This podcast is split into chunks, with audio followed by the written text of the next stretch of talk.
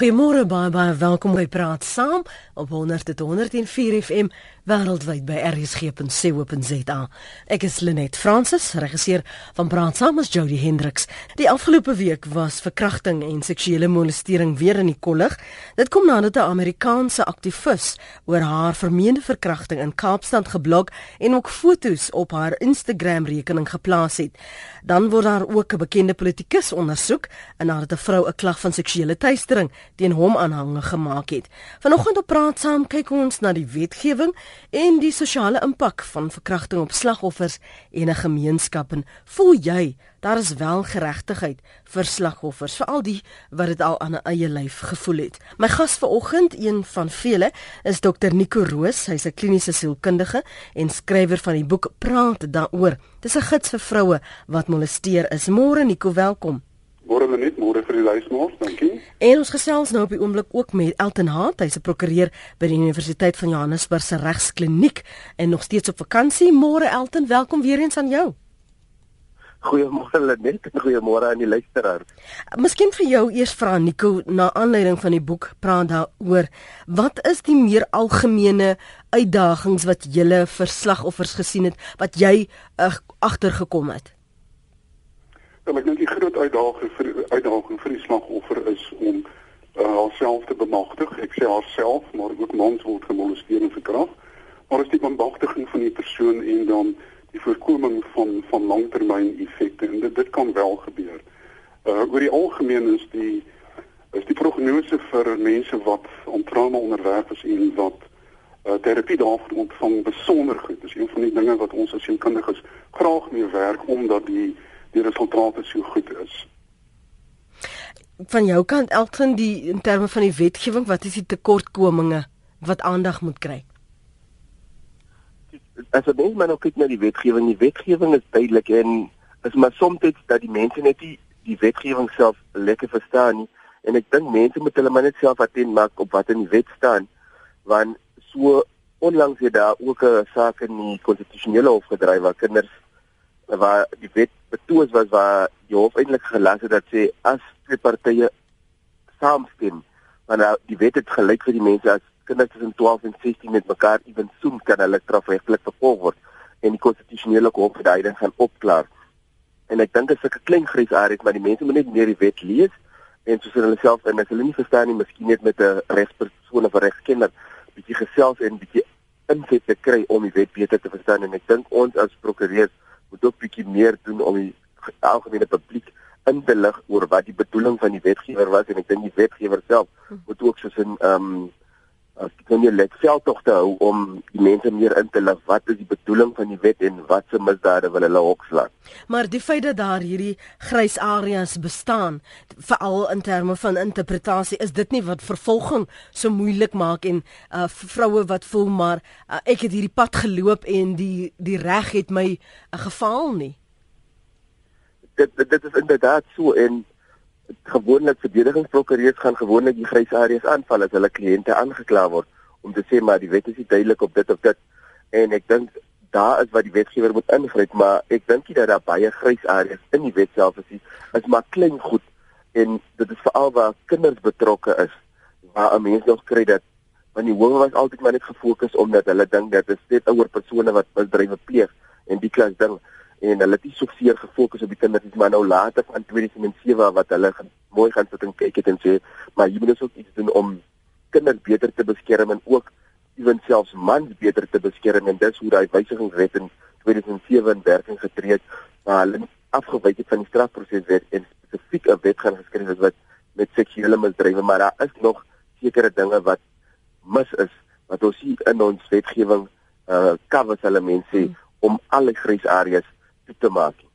Ons het die die, die 2014 misdaadstatistiek ge, gekyk en en daar uh, het dit gesê dat die seksuele misdrywe die persentasie het gedaal uh, maar maar beteken dit dat ons beter dit hanteer Nico dat daar slagoffers is wat wel voel daar is geregtigheid wat geskied waaraan skryf van mense dan die daling toe of is dit maar net omdat mense voel hulle wil dit nie rapporteer nie want wat gaan dan van kom in elk geval Ja, ek self het groot uh twyfel oor die akkuraatheid van hierdie soort van statistiek en ek dink daar is nie werklik 'n afname in seksuele misdade in die land nie. Waarskynlik nie. Uh, jy weet statistieke is maar statistiek. Ja.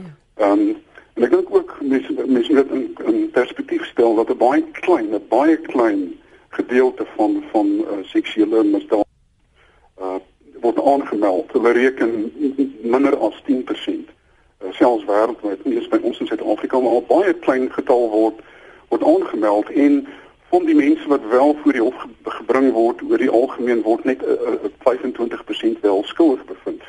Ehm um, so die die seksuele misdrywe is is 'n geweldige groot probleem.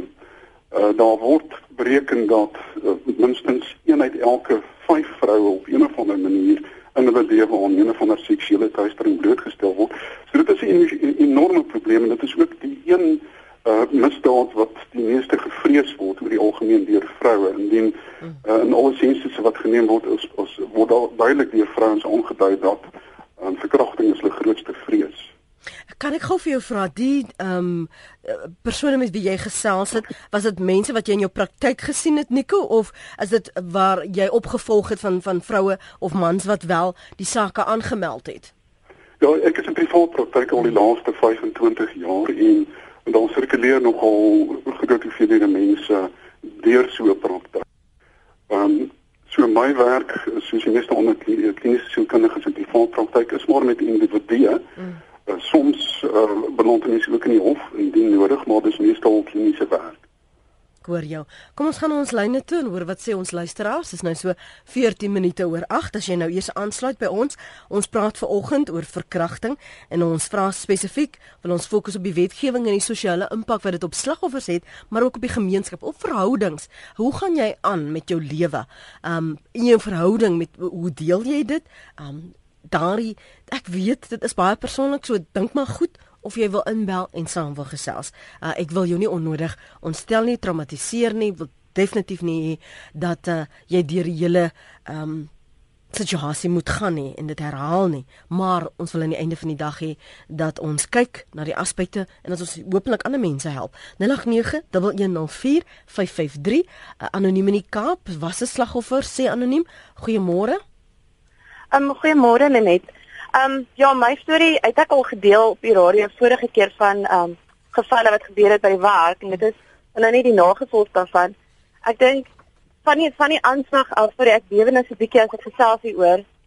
Ehm um, wat vir my opvallend was met my storie was dat ek is geforseer om vir ure en ure en ure by 'n polisiestasie te sit en deur mans ondervraag te word. Ek moes my storie soos 4 keer oorvertel en later die aand um, is ek ek na 'n plek gevat waar ek ondersoek word vir my liggaam was basies 'n uh, 'n crime crime scene sorry mm. vir die Engels. Mm -hmm. En en die onpersoonlike en um koue um manier hoe dit gehanteer is, het het mense so jy, jy voel nog veiliger as die daad.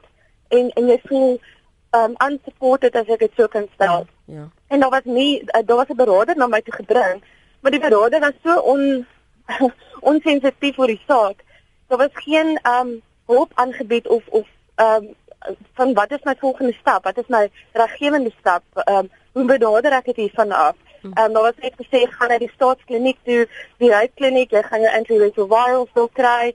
Ehm um, jy moet dit so en so en so doen. Maar die die daai vat jou hand en en loop met jou met die met die pad af. Daar was nooit daar nie. Jy die hele tyd wel ek het die hele tyd geïsoleerd gevoel. En daar was niemand met wie ek kon gesels het nie. Dit was ek ek dink die daad was erg, maar dit was vir my nou as ek dit herhaaldelik met my gebeur wat met die vier mense hmm. oor en oor en oor vertel. Dis asof hoekom word julle my nie glo nie? Hoekom word ek nou hoekom word ek geondervraag? En hmm. dan die ergste wat met my gebeur het, is hulle het my docket verloor. Hmm. So ek kry nou nog SMS'e van 'n inbraak op my motor dat hulle dit ondersoek, maar dis nou al jare en ek het nog nooit 'n SMS gekry om te sê hulle ondersoek nog my saak nie. En ehm um, elke dag ry ek verby die toneel, elke dag gaan ek huis toe.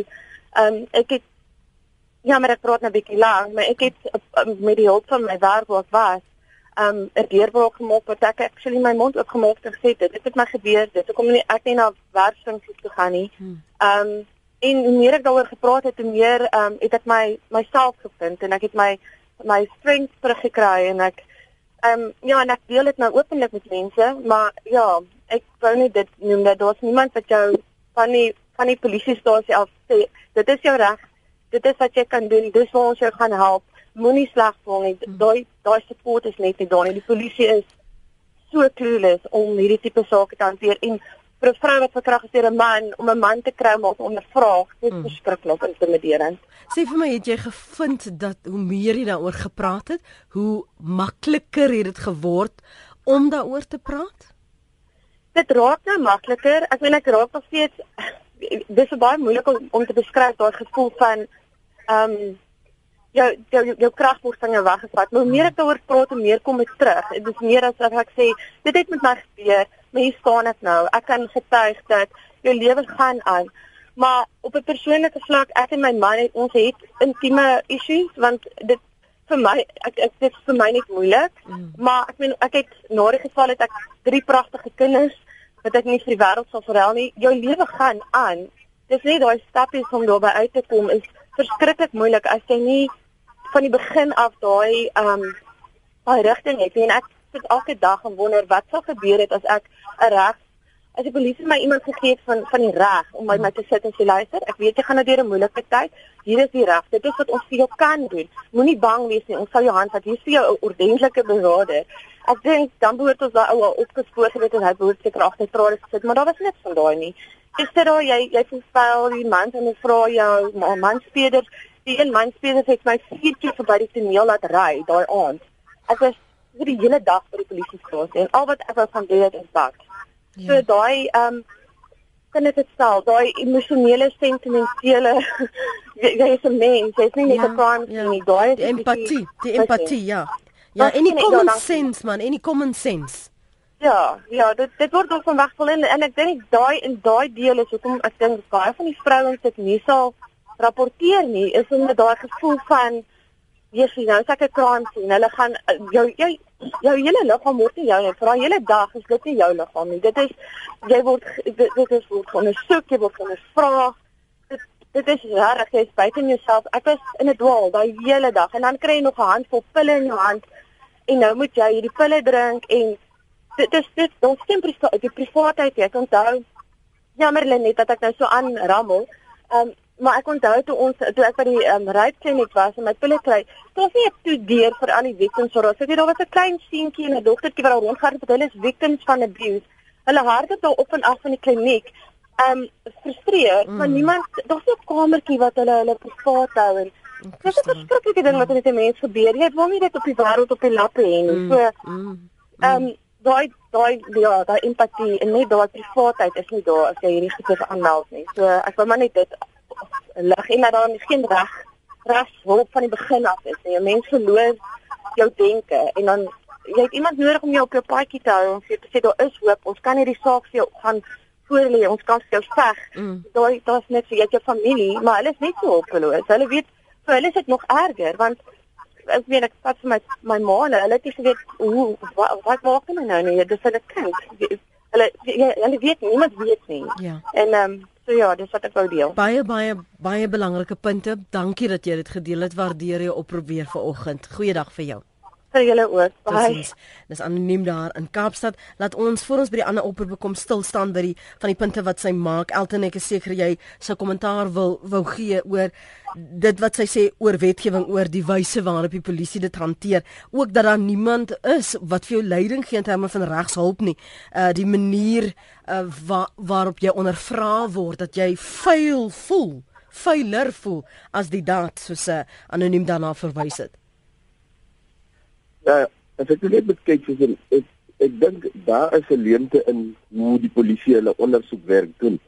Want ek bedoel, um, 'n mens wat seksueel aangerand is of verkragt is of gemolesteer is, soos 'n hy persoon is is baie tasbaar op daai stadium van die geveg. En ek dink mense met gespesialiseerde opleiding kry in hoe jy hierdie mense ondervra wat verkragt of gemolesteer is of seksueel aangerand is. En ek dink as 'n mens kyk en jy dit weet of nie. Ons polisie beamptes gaan gewoonlik na 'n college toe vir 6 maande word opgelei en later word hulle speler na daar is die dinge wat ek al gesien het in die tyd wat ek besig is dat jy weet dat 'n polisiebeampte sin spesifiek ek weet hulle het die FCS unit wat spesifiek met um, seksuele misdrywe lei maar ek het nog nie gehoor dat hy mense na spesifieke kursusse toe gaan wat uitgebrei is om spesifiek te deel met uh, aangeleenthede soos die. So dan daar moet iewers maar dit kan nie in die wet gereguleer word die mens moet dit iewers in die nasionale instruksie wat aan die polisie of wat die polisie ehm um, kommissaris uitvaardig soos in daar inskryf en sê wat moet gedoen word. En dit is nou net soos 'n van die dinge maar mense kan net nie wet en vasvat en sê jy moet dit doen jy moet dit doen ek dink slagoffer ehm um, ondersteuning daar moet iewers iets ingewerk word maar ek weet nie of mense kan in die wet reguleer ja ek hoor jou. Uh, Nico van jou kant anoniem praat van die ondersteuning wat ontbreek het in die geval van uh, die Amerikaanse aktivis uh, wie ons vroeër vanoggend na verwys het Amber Amor. Sy het gesê een van die redes hoekom sy na sosiale media met haar sak gegaan het is omdat sy nie die polisie gevoel het of geglo dat die polisie die die verkrachtingsake ernstig hanteer nie en dat sy gevoel het ten minste as haar volgers 'n gemeenskap van ondersteuning. Dis waar sy geborge voel Ja, dink dit is 'n algemene probleem uh, dat uh, die polisie nie regtig uh, spesialiste eenhede meer het nie. Ek dink dit is 'n groot uitdaging van die SAPD om wel weer spesialiste eenhede in te stel en een daarvan uh, die hantering reeds van verkrachting en seksuele misdade. Uh, mense moet beter opgelei word. Uh, by elke polisiekantoor behoort daar 'n spesiale eenheid te wees met opgeleide mense. Uh, ja, so ek dink dit is 'n groot 'n groot uitdaging vir SAPD, maar ek dink mense moet ook onthou dat mens nie net na staatsinstansies en na die polisie moet kyk uh, vir ondersteuning nie. Daar is uh daar's baie goeie ondersteuningsnetwerke in die samelewing self, veral in die privaat. Uh privaat dokters, jou ja, huisdokter is waarskynlik die eerste persoon met wie uh, wat jy moet gaan sien na so 'n insident. Um, en dan van daardie persoon leiding kry en van daar af dan die begin met die wetlike proses en die besoek aan die polisie en ehm um, die ondersoek iets uh, ensovoorts maar selfs daarna dit die die, verantwoordelikheid berus ook by die slagoffer om self te gaan opsoek. Uh en uh, dit, is dit is werklik oral beskikbaar uh, vir iemand wat wat wil. Hmm. Jy kan saamgesels vanoggend. Ek sien uh, Ivan is op die lyn van gebou. Hou dit kort waar jy kan asseblief Ivan môre so op sommerderwys. Goeiemôre Lenet en goeiemôre aan die luisteraars. Lenet, ek wil net graag 'n inset lewer om te sê dat die een uitdaging wat ons het is die feit dat uh, die speerders wat as hulle ondersoek doen byvoorbeeld met 'n klag Kan ek jou gou onderbreek en vir jou vra om gou daai radio af te skakel asseblief in die agtergrond Owen? Sê net daar vir die mense by die huis, hulle kan nie saam luister so nie. Hulle moet liewer maar na 'n ander kamer gaan want uh, ons het 'n ego op lig. Okay. Dankie. Uh net die een uit, uitdaging wat ons het is die die speeder wat die ondersoek wat die verklaring neem van die van die persoon. Ehm um, dit is die een uitdaging wat ons het want as die persoon 'n sy statement nie reg neem nie net dan het as jy by die hof kom met jy onmiddellike probleem. Ehm um, want die landdros kan net werk met die feite wat daarop is wat van die statement wat geneem is. So dit is 'n een uitdaging. Dan die ander uitdaging net is die is die uh, uh die verandering die gemoedwilligheid van die polisie byvoorbeeld as ons kyk nou in in in in Gauteng byvoorbeeld in daardie provinsie is die counselors, die sielkundiges, die maatskaplike werkers het ons byvoorbeeld fasiliteerders by verskillende polisiestasies wat voltyds by die polisiestasie diens doen. So as die persoon die soos die vorige inbeller uh wat uh, deur so trauma gegaan het, dan is daardie dienste beskikbaar. Dan kom jy by sekere provinsies soos byvoorbeeld die Wes-Kaap. Uh, uh hulle hulle sê wie hulle soek glad nie 'n uh, 'n uh, volunteers of 'n maatskaplike werker by hulle polisiestasie nie. En dit gaan alles oor dienslewering Lenet. Mm. Want ek glo stellig as die sielkundige of die maatskaplike werker by die polisiestasie hulle hulle trauma uh, kamers daarso. So as daardie persone daarso is, so wanneer daar 'n geval is, dan kan daardie persoon 'n kwaliteit diens kry Lenet. So dit is ook aan die ander kant 'n probleem vir 'n uitdaging. Ons hoe verander jy die gesindheid of die verstaan van die polisie om te sê hoor hierso ons het ons om te diens lewer aan victims mm. en dis waarom hierdie mense belangrik is by polisiestasies Lenet. Mm. Want ek glo stellig aan die einde van alles, soos die inbeller gesê het, sy het nie daardie nodige ondersteuning gehad nie. En as ek altyd praat byvoorbeeld soos in die, in die Weskaap meneer Paul se hy is hulle victim power persoon uh, in die Weskaap dan sal hy vir my sê die polisie hulle het hulle eie sielkundiges. Hulle het hulle eie en as jy met die sielkundiges of as jy meneer ons is opgelei om crime te beveg. Jy weet ons moet misdaad beveg. Ons het regtig nie tyd. Ons is onderbeman. Ons kan nie nog sielkundige dienste en maatskaplike dienste lewer hulle net. Ja. So dit is my inset is dat ons dan moet 'n gesindheid verander om 'n kwaliteit diens te lewer aan slagoffers, aan verkragters, um, om sodoende daardie persoon te help. Want die emosionele kant is daardie persoon het so baie emosionele hulp nodig voordat enige iemand anders op daardie uh, uh, die volgende uh, stap verder vat. Mm. Dankie vir die bel Ivan en daar in Grabouw. Elton vir jou vra voor ek jou groet. Die verskil tussen veral vir leuke wat nie verstaan nie, tussen verkrachting en seksuele teistering of molestering en die tipe vonnisse wat jy kan verwag. OK. As jy mens van kyk jy moet weet en hanteer met verkrachting spesifiek op 'n op 'n ander definisie as ook seksuele teistering uh, verkrachting kon leer van direkte van direkte en unlawful en onregmatige seksuele penetrasie van 'n persoon mag dit wees in die mond, anus of ook enige ander genitale orgaan. Maar seksuele teistering is 'n uh, 'n seksuele aanranding is waar jy soos jy, jy, hoef nie daar die penetrasie te wees maar dit net so waar jy 'n persoon se liggaam ken sonder om te penetreer kan jy ook 'n seksuele aanranding skuldig maak. Maar by verkrachting moet daar penetrasie wees. En in terme van die vonnisse wat wat gebruik die hof as riglyne? Die hof gewoonlik die hof sal maar kyk so as die hof kyk na hulle gaan eers kyk soos in na die persoon se omstandighede wat die misdrijf gepleeg het. En as Jesus se eerste oortreder is is daar 'n moontlikheid dat Jesus in iets tussen 10 en 15 jaar kan kry as jy herhaaldelike oortreder is dan weet jy al klaar dat gaan soos hulle volle van 15 jaar in die gesig staan en ook daar is wanneer jy dit is ehm um, verkrachting van kinders onder die ouderdom van 16 dan weet jy al klaar daar is minimum volle wat gaan instoot wat soos in 15 jaar is. Hmm. Elton baie baie dankie vir jou tyd vanoggend. Waardeer dit. Kom ons gaan na ons lyne toe. 0891104553. Elton Hart is 'n prokureur by die Universiteit van Johannesburg se regskliniek. Elmien is op die lyn. Sy is ook in Kaapstad. Môre Elmien. Goeiemôre Lenet. Almin, voor jy verder gaan, vra net vir iemand om die radio af te skakel aan die nee, My radio is af. Dis net iemand anders se wees. Dankie man. Ek luister. Ek doen ook berading by die Tutuzela Center sentrum. Dis hoe ons die verkrachtingsklinieke doen, noem deesdae, en ek doen dit by Karel Bremer. Mm -hmm. En ek is eintlik nou vreeslik ontstel dat daar iemand is wat die dienste so sleg ervaar het. Want volgens my siening van die saak probeer almal so hard om regtig dit so maklik as moontlik vir die mense te maak. So ek wil ek wens kan met haar in aanraking kom dat ons nog beter kan 'n uh, dienste lewer. Want die een ding wat sy genoem het is dat sy mens moet lank wag. Nou dokter doen ook diens by die uh, tronke. So hy's verskriklik besig. So mense wag maar 'n bietjie lank. Maar ons die ka uh, die kamer waar hulle wag, daar is baie aangenaam met die televisie.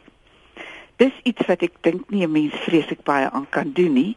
En dan die ander tyd die die verklaring wat die polisie afneem, iemand het al daarop geantwoord. Hulle moet die verklaring absoluut korrek hê, anders word die saak in die hof uitgegooi. En ek kry nogal nou en dan as ek met iemand praat, dat hulle vir my kla oor die polisie. Dan verduidelik ek dit vir hulle en dan sê ek jy kan vir my vertel net wat jy wil en as jy nie wil vertel nie, hoef jy ook nie. Hmm.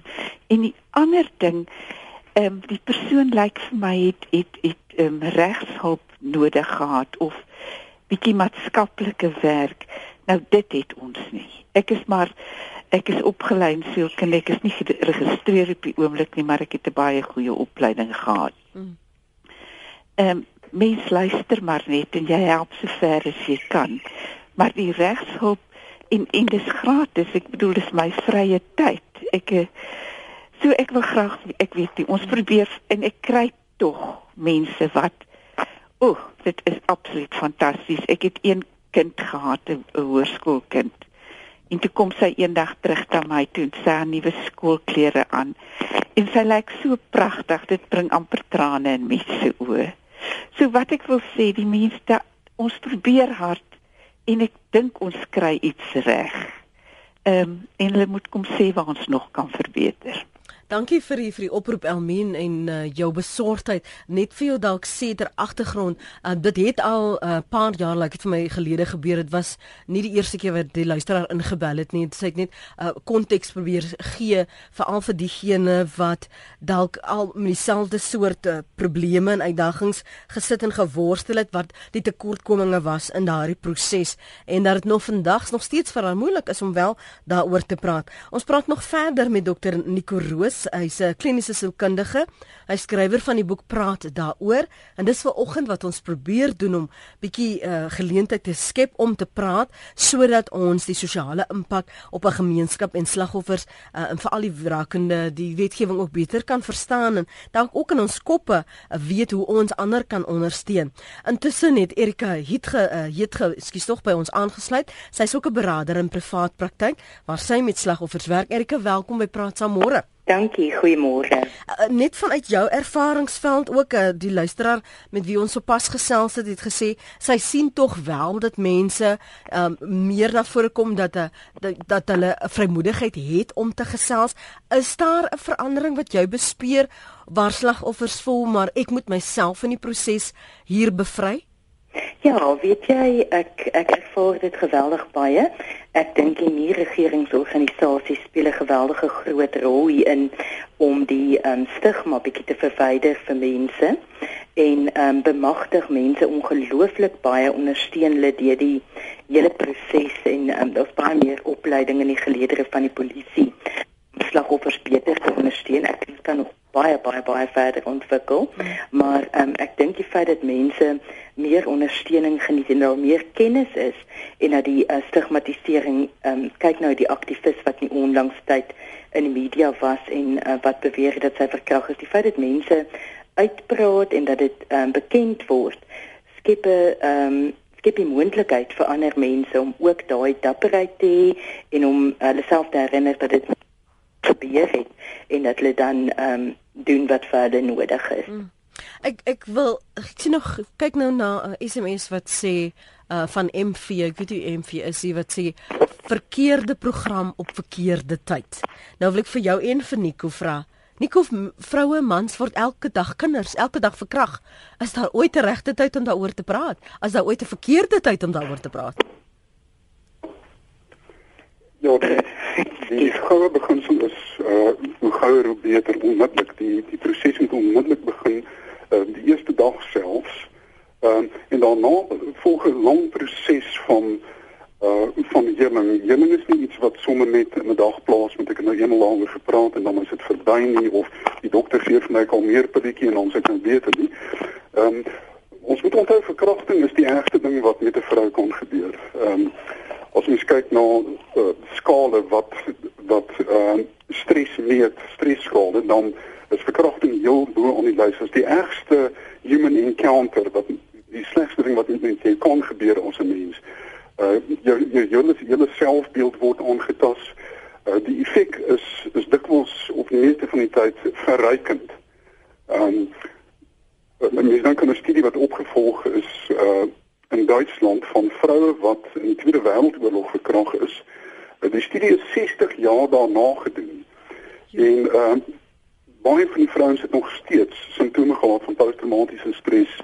Uh daar was baie selfmoord, depressie et cetera.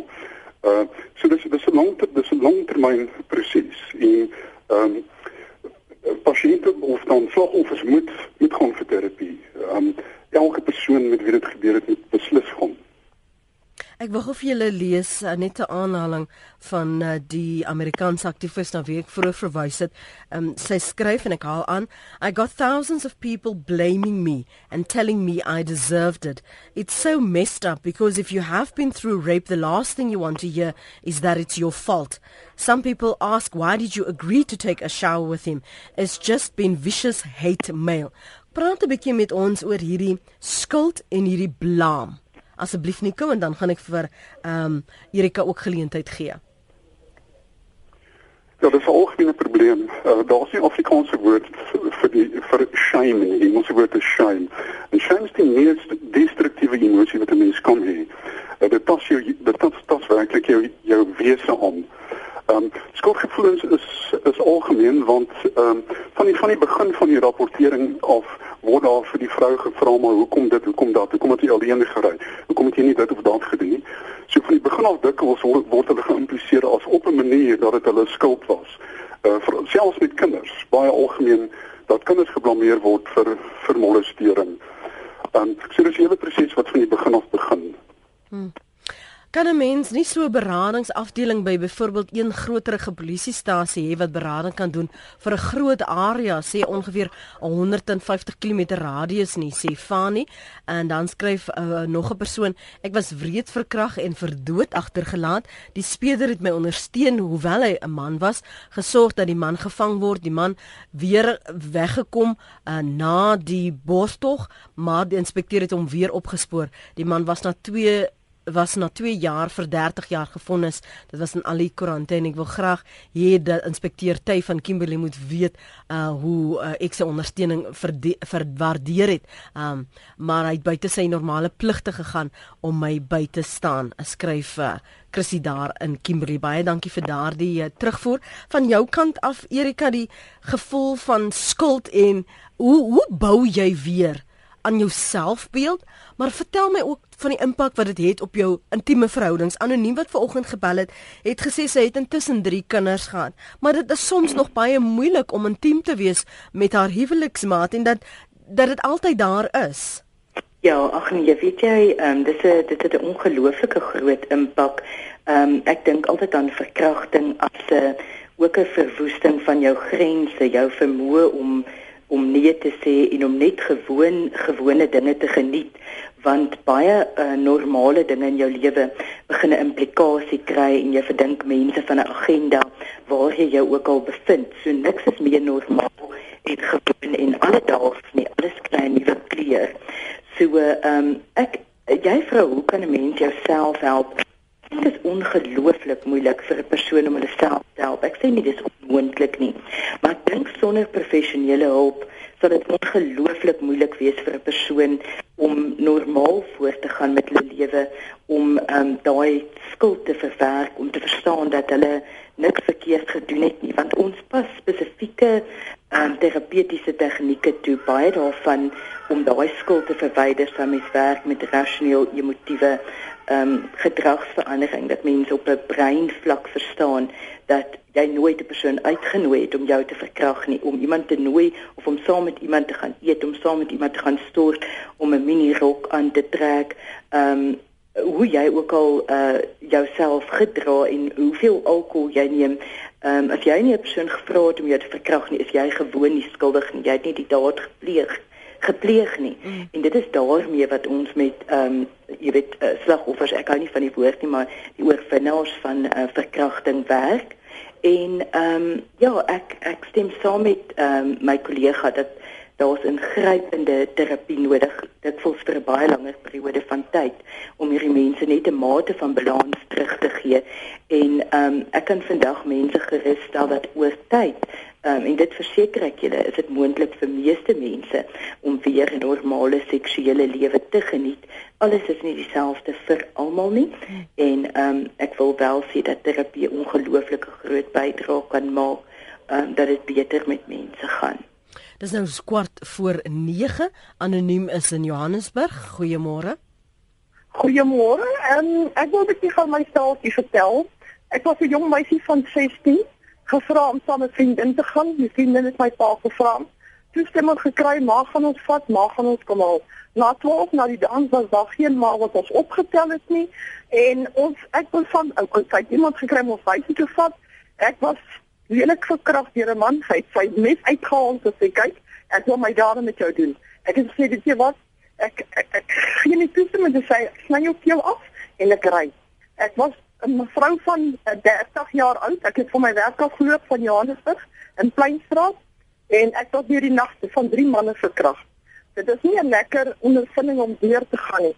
Maar weet jy wat? Ek het niemand van hulle gaan aangee nie. Ek het dit maar net by die huis gekom, myself uh, ontruim met ehm um, ontsmettingsmiddels. Ek het die volgende dag vir my sussie gesê, "Luister, ek was verkrag gisterand." En weet jy, ek het dit dit het ek het dit nooit van al gegee nie. My lewe het net aangegaan. Ek het net probeer om dit vergeet, want weet jy wat? Ek weet iewers in daai mense se lewe Ons ek kan nie te straf nie. Hulle straf gaan vir deur die jare kom. En weet jy, ek praat nie daaroor nie, maar moet julle vanoggend nou uh, daaroor uh, gepraat het, dink ek, gaan ek my storie vertel. 'n Mens moet dit self ontwerp en sê luister, al gaan jy by die stasie toe, gaan daai persoon nooit gevang word nie. En jy gaan altyd met daai stigma in jou in jou brein lewe. Ek was verkragt. Ek was verkragt. Jy moet dit net laat gaan rustig in jou lewe en sielkundig jouself behandel. En ek, ek, ek, ek kan lekker daaroor gesels. Ek het verpleeg, ek het my mense vertel as 'n inkomste verkrachting en dan sien hulle wat 'n storie ek kom te huil. Jy was hier drie maande verkragt. Dit is nie 'n lekker ding nie. Ek meen ek was nie daar vir vra nie. Ek moes loop van my werk af die aand om binne huis uit te kom. So uh, ek, ek vra alle vrouens, weet jy wat? Dit vir daai mense wat dit doen. Dis al wat ons kan doen bid en maak jou eie siel binnekant skoon.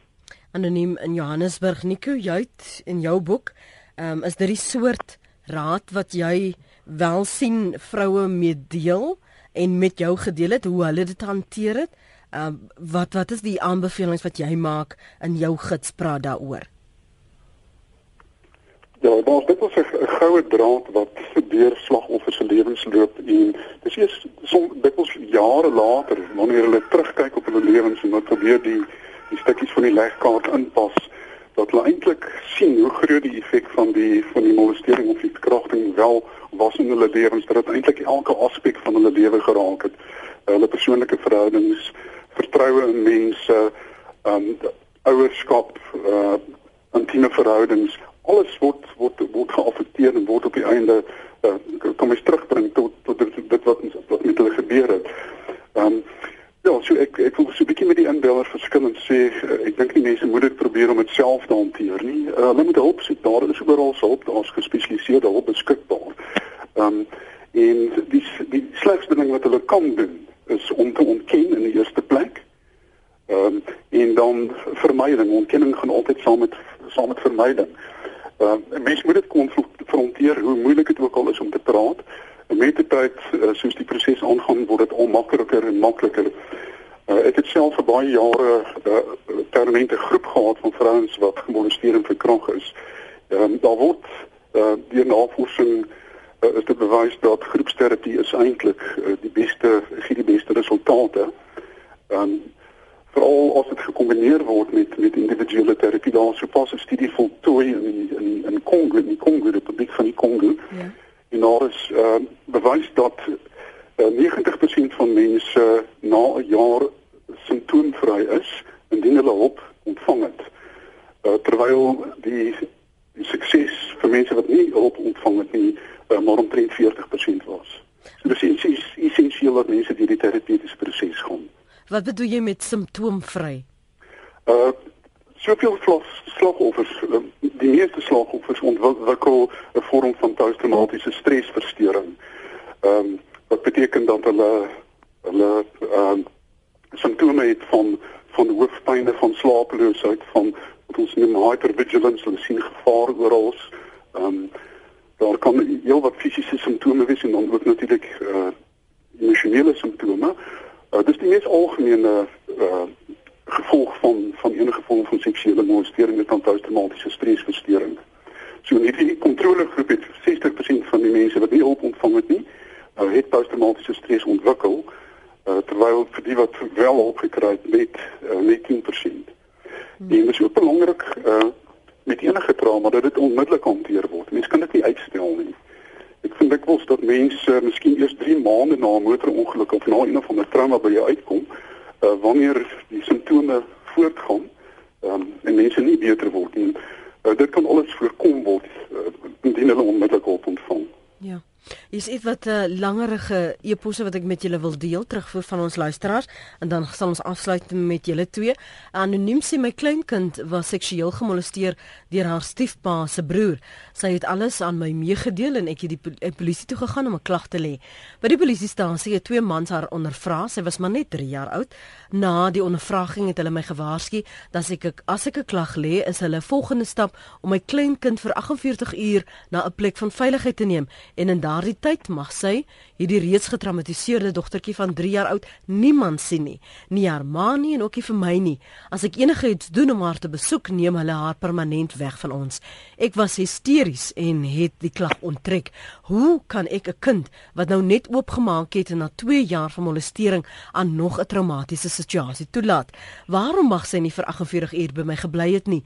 Ek was die een wat haar van geboorte af elke dag opgepas het, bedags terwyl haar mamma gewerk het. Ek is die een wat sy vertrou het met haar verskriklike ervaring waarin die man haar gedreig het dat hy almal sal doodmaak as sy vir iemand vertel. Dit was 4 jaar gelede. Die polisie is nie daar om mense te help nie, hulle is daar om meer trauma te veroorsaak, skryf anoniem. En dan is daar nog 'n luisteraar wat skryf van haar 'n kleindogter. My dogter was 8 jaar gelede verkrag. Die gevolg daarvan was selfmoord. Die SAPS se kaptein wie die ondersoek gedoen het nadat ek by die SAP eh, die uh, eh, SP geklaai het, se gevolgtrekking was, die SAP was nalatig, maar my dogter is nou op 'n beter plek. Hoe verstaan 'n ouer dit? 'n Maand na die daad toe wou die manlike ondersoekbeampte haar eers neem vir 'n mediese ondersoek. Miskien van jou kant uh, Erika oor die benadering en dan ook die sensitiwiteit oor hoe hanteer jy dit.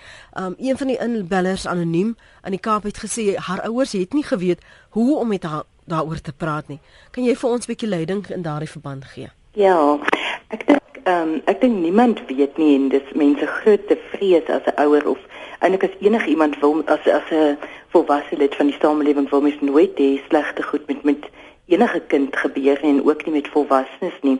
Die punt is ek dink as 'n kind jou begin vertel ehm um, dat jy die kind net onder geen omstandighede in die rede val nie, dat jy eers net heeltemal klaar luister en ehm um, dat jy nie oorgeskok voorkom nie, want as jy so geskok is ehm um, dat dat dit lyk of jy dit nie kan hanteer om die nuus te dra en te hoor nie.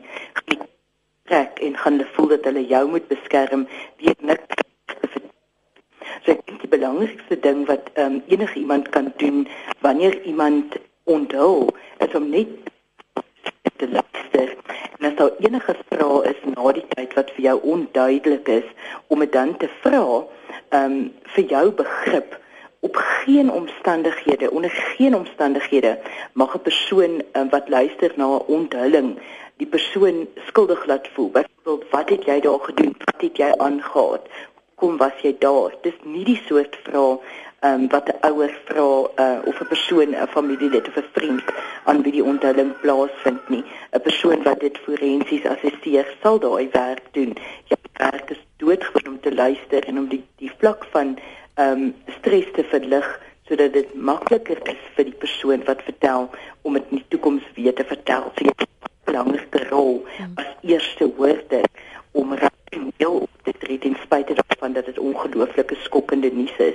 So as mense hierdie hoor vandag, ehm um, as jy dit ergens kan vasgryp, probeer onthou as jy skokkende nuus by iemand hoor, probeer net self rustig wees en en probeer die storie klaar hoor sonder om jou eie ehm um, gedagtes te verstaan wat die persoon vir jou wil oordra.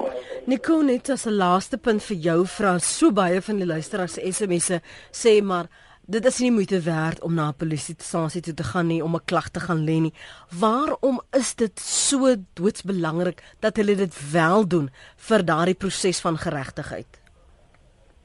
Ja, ek dink dit is nie die proses van geregtigheid nie. Um, dit is terapeuties belangrik dat die persoon van die begin af voel sy kan iets doen. Sy is nie sy is nie magte, dis nie al is dit hoe onaangenaam om na polisiestasie te gaan en dan weer al die ondersoeke gedoen word. Uh, moet gaan dit is uiters noodsaaklik dat dit wel gedoen word. Dit is waar die proses van bemagtiging begin. En dis ook nie waar dit eindig nie. Uh, na die prosedure uh, by die polisiestasie, die klag ensovoorts, uh, dis wanneer die terapie moet begin. Ek, ek, ek wil net sê, uh, miskien 'n laaste ding dat as ons kyk na ehm um, na oplossings in die langtermyn. Ek dink is uiters noodsaaklik dat paas en ma's ook nie net vir vir kinders moet leer wat nie aan hulle gedoen moet word nie, dat hulle liggame uh, heilig is en dat daar nie ongepeter moet word nie. Uh, word daar nie regtig seksopvoeding gegee dit ons deur ouers nie om veral vir seuns te, te leer hoe dit teenoor 'n meisie moet optree nie. Uh, ek dink in hierdie in hierdie opsig uh, val ouers vir hulle kinders. Ja, en dit en daardeur stel ons hulle bloot want ons bemagtig hulle nie. Baie dankie vir oggend aan dokter Nico Roos, kliniese sielkundige. Hy skrywer van die boek Praat daaroor. Dis 'n gids vir vroue wat seksueel gemolesteer is. Dis nie net vir vroue nie, mans kan ook daarbey baat vind indien jy 'n slagoffer was. Uh Erika Hetge is beraader in privaat praktyk. Sy werk ook met slagoffers en Elton Haat is 'n prokureur by die Universiteit van Johannesburg se regskliniek.